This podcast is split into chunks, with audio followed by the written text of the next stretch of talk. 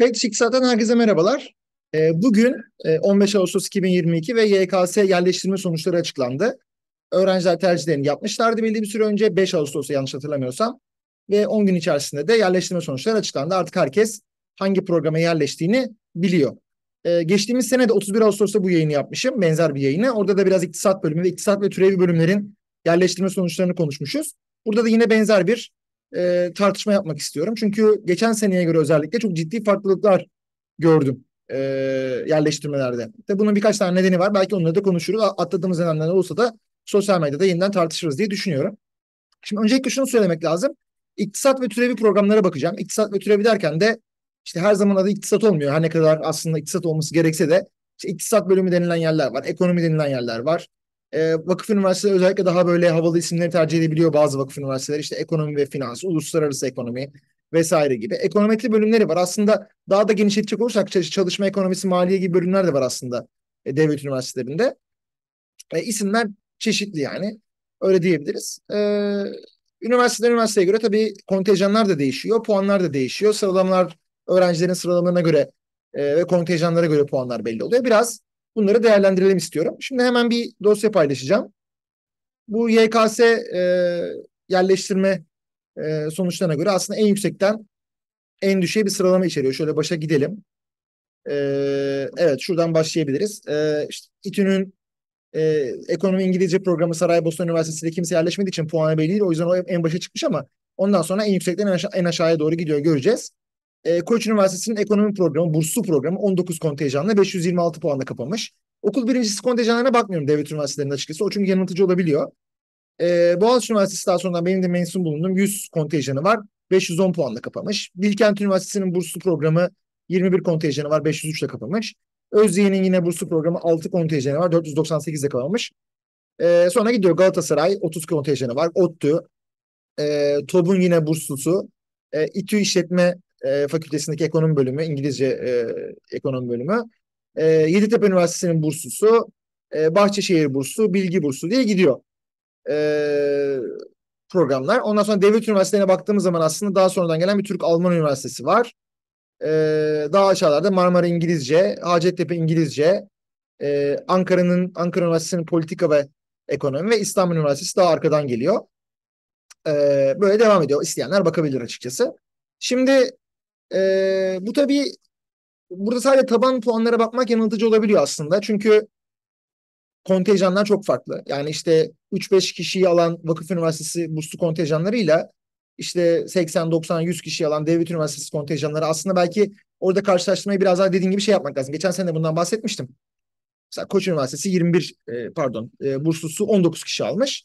E, Boğaziçi Üniversitesi 100 kişi almış. Yani Boğaziçi Üniversitesi'ne giren 19 öğrenci 19. öğrenci yani Boğaziçi'ne bu 100 kişi girmiş. Bunun 19.sü kaç puanla girmiş aslında onu karşılaştırmak lazım. Ama işte bu bilgiler çok paylaşılmadığı için net olarak yani e, en son kaçıncının girdiği de sanırım okullarla paylaşılıyor. Kamuoyuyla değil. Oradan biraz bilgi edinebiliyor ama e, yani en azından 19.'unun kaç şu an için en azından ÖSYM'nin açıkladığı kararıyla atıyorum. İşte Boğaziçi'ye 19. kişi kaç puanla girmiş bunu bilmiyoruz. Dolayısıyla ben en azından bilmiyorum. Dolayısıyla bir karşılaştırma yapmam mümkün değil. E, ama yine de bir fikir veriyor bu sıralamalar. Şimdi bu tabii puanların sıralaması. Bu iyidir kötüdür tartışılır. E, hangi bölüm daha iyi, hangisi daha iyi eğitim veriyor bunlar tartışılır. Bu birinci bahsettiğim, bahsetmek istediğim şey. İkinci bahsetmek istediğim şey ise şu. Şimdi burada ilginç bir bulgu var. E, epeyce bir aşağıya doğru iniyoruz. E, hemen hemen her üniversiteye epeyce bir üniversite, öğrenci yerleşmiş. Geçen sene bu böyle değildi. Geçen sene özellikle iktisat e, bölümlerinde veya iktisat ve türevi bölümlerde diyeyim yine e, oldukça boş kontenjan kalmıştı. Yani çok sayıda okul ki bunu geçen seneki yayına bakanlar göreceklerdi. Orada aslında listeyi paylaşmıştım. Şimdi okul okul söylemek istemiyorum. E, epeyce bir kontenjan sıfır. Yani daha sonra ek yerleştirmeyle belki birkaç öğrenci yerleştirmiştir ama yerleşmiştir ama epeyce bir e, iktisat bölümü e, hiç öğrenci alamamıştı. Hiçbir öğrenci yani o bölümleri tercih etmemişti diğer bir deyişle. Bunun değiştiğini görüyoruz. Yani epeyce bir ki bu aslında Kıbrıs'taki KKTC'deki üniversiteler için de geçerliydi. KKTC'de de pek çok dolmayan kontenjan vardı. Hatta mesela Orta Doğu Teknik Üniversitesi Kuzey Kıbrıs Kampüsü bu sene iktisat programına öğrenci almadı. Kontenjanı dolduramamıştı geçen sene. Muhtemelen bu sene doldururdu. Kapatmakla aslında yanlış karar vermişler. Bunu da görebiliyoruz ama neyse. e, Türkiye'de de devlet üniversitelerinde de pek çok kontenjan dolduramayan iktisat programı vardı. E, veya ekonometri programı vardı mesela. E, Uludağ ikinci öğretim ekonometri dolduramamıştı mesela. Bu sene full 100 kişi, 103 kişi doldurmuş mesela. Çok ilginç. E, yani iktisadi ve idari bilimler fakültesi hatta onunla ilgili de biraz bayağı bir tartışma olmuş. İşte iktisadi ve idari bilimler fakülteleri artık eski popülerliğini yitirdi. E, bölümleri, iktisadi ve idari bilimler fakültesi bölümleri eski popülerliklerini yitirdiler. 90'lı yıllara göre ki yitirdiler. Yani aslında bu senin sonucunda da yitirdiler de e, işte farklı bir nokta var aslında ona bakmak lazım. E, epeyce bir hani aslında bölüm belki kapatılabilecek. Çünkü galiba YÖK'ün böyle bir prensip kararı var işte üst üste birkaç yıl, iki, iki sanırım öğrenci alamazsa bölüm kapanıyor gibi. Bu sene pek çok bölüm kapanma tehdidiyle karşı karşıya kalabilirdi. Onun önüne geçilmiş gibi gözüküyor. Bunun gerekçesi ne olabilir acaba? Şimdi bir gerekçe akla şu geliyor. Eğitim harcamaları ters döngüsel yani counter cyclical. Yani genelde insanlar ekonomik durgunluk, ekonomik sıkıntı dönemlerinde diyelim e, eğitime daha fazla bir yöneliyorlar. En azından iş bulamayacağız hani belki e, eğitimden e, beşeri sermayemizi biraz daha genişletirip daha sonradan durum düzelince en azından daha yüksek bir beşeri sermaye ile e, iş piyasasına katılırız diye ama e, ben bunun geçerli olduğunu düşünmüyorum pek Türkiye'de birkaç nedenden dolayı öyle çok ciddi bir durgunluk var mı ekonomide? Yani büyüme rakamlarında tartışılıyor. Enflasyon var evet. İşsizlik bugün açıklandı. Düşüşte gözüküyor. 10.9'dan 10.3'e düşmüş.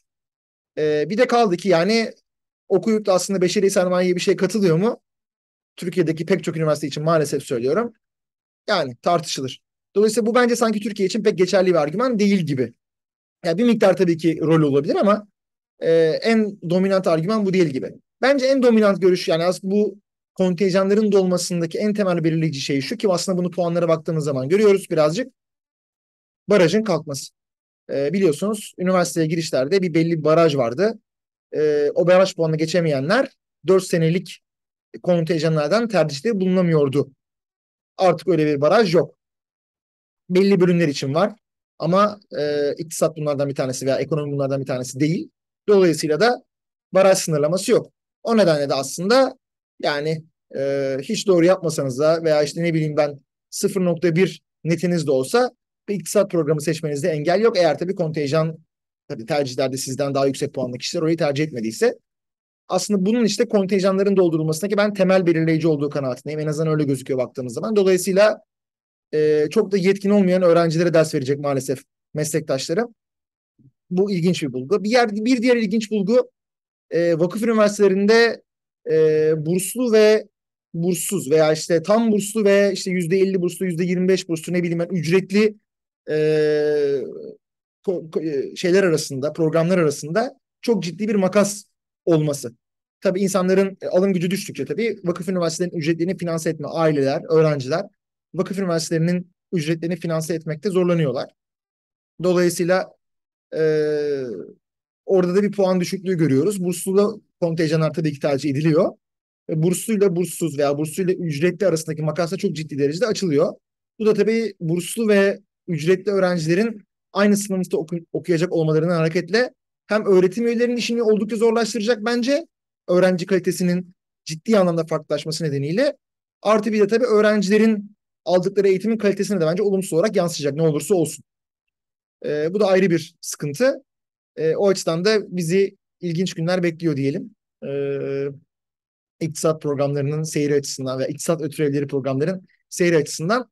E, şimdi de kısaca en azından sıcağı sıcağına söyleyeceklerim bu kadar. Belki ilerleyen günlerde yine e, bu kontenjanlar, puanlar, tercihlerle ilgili yeniden konuşma fırsatı ben veya hatta belki de birkaç tane meslektaşımla beraber konuşma ve tartışma fırsatı buluruz. E, beni dinlediğiniz için teşekkür ediyorum. Hepinize iyi günler diliyorum.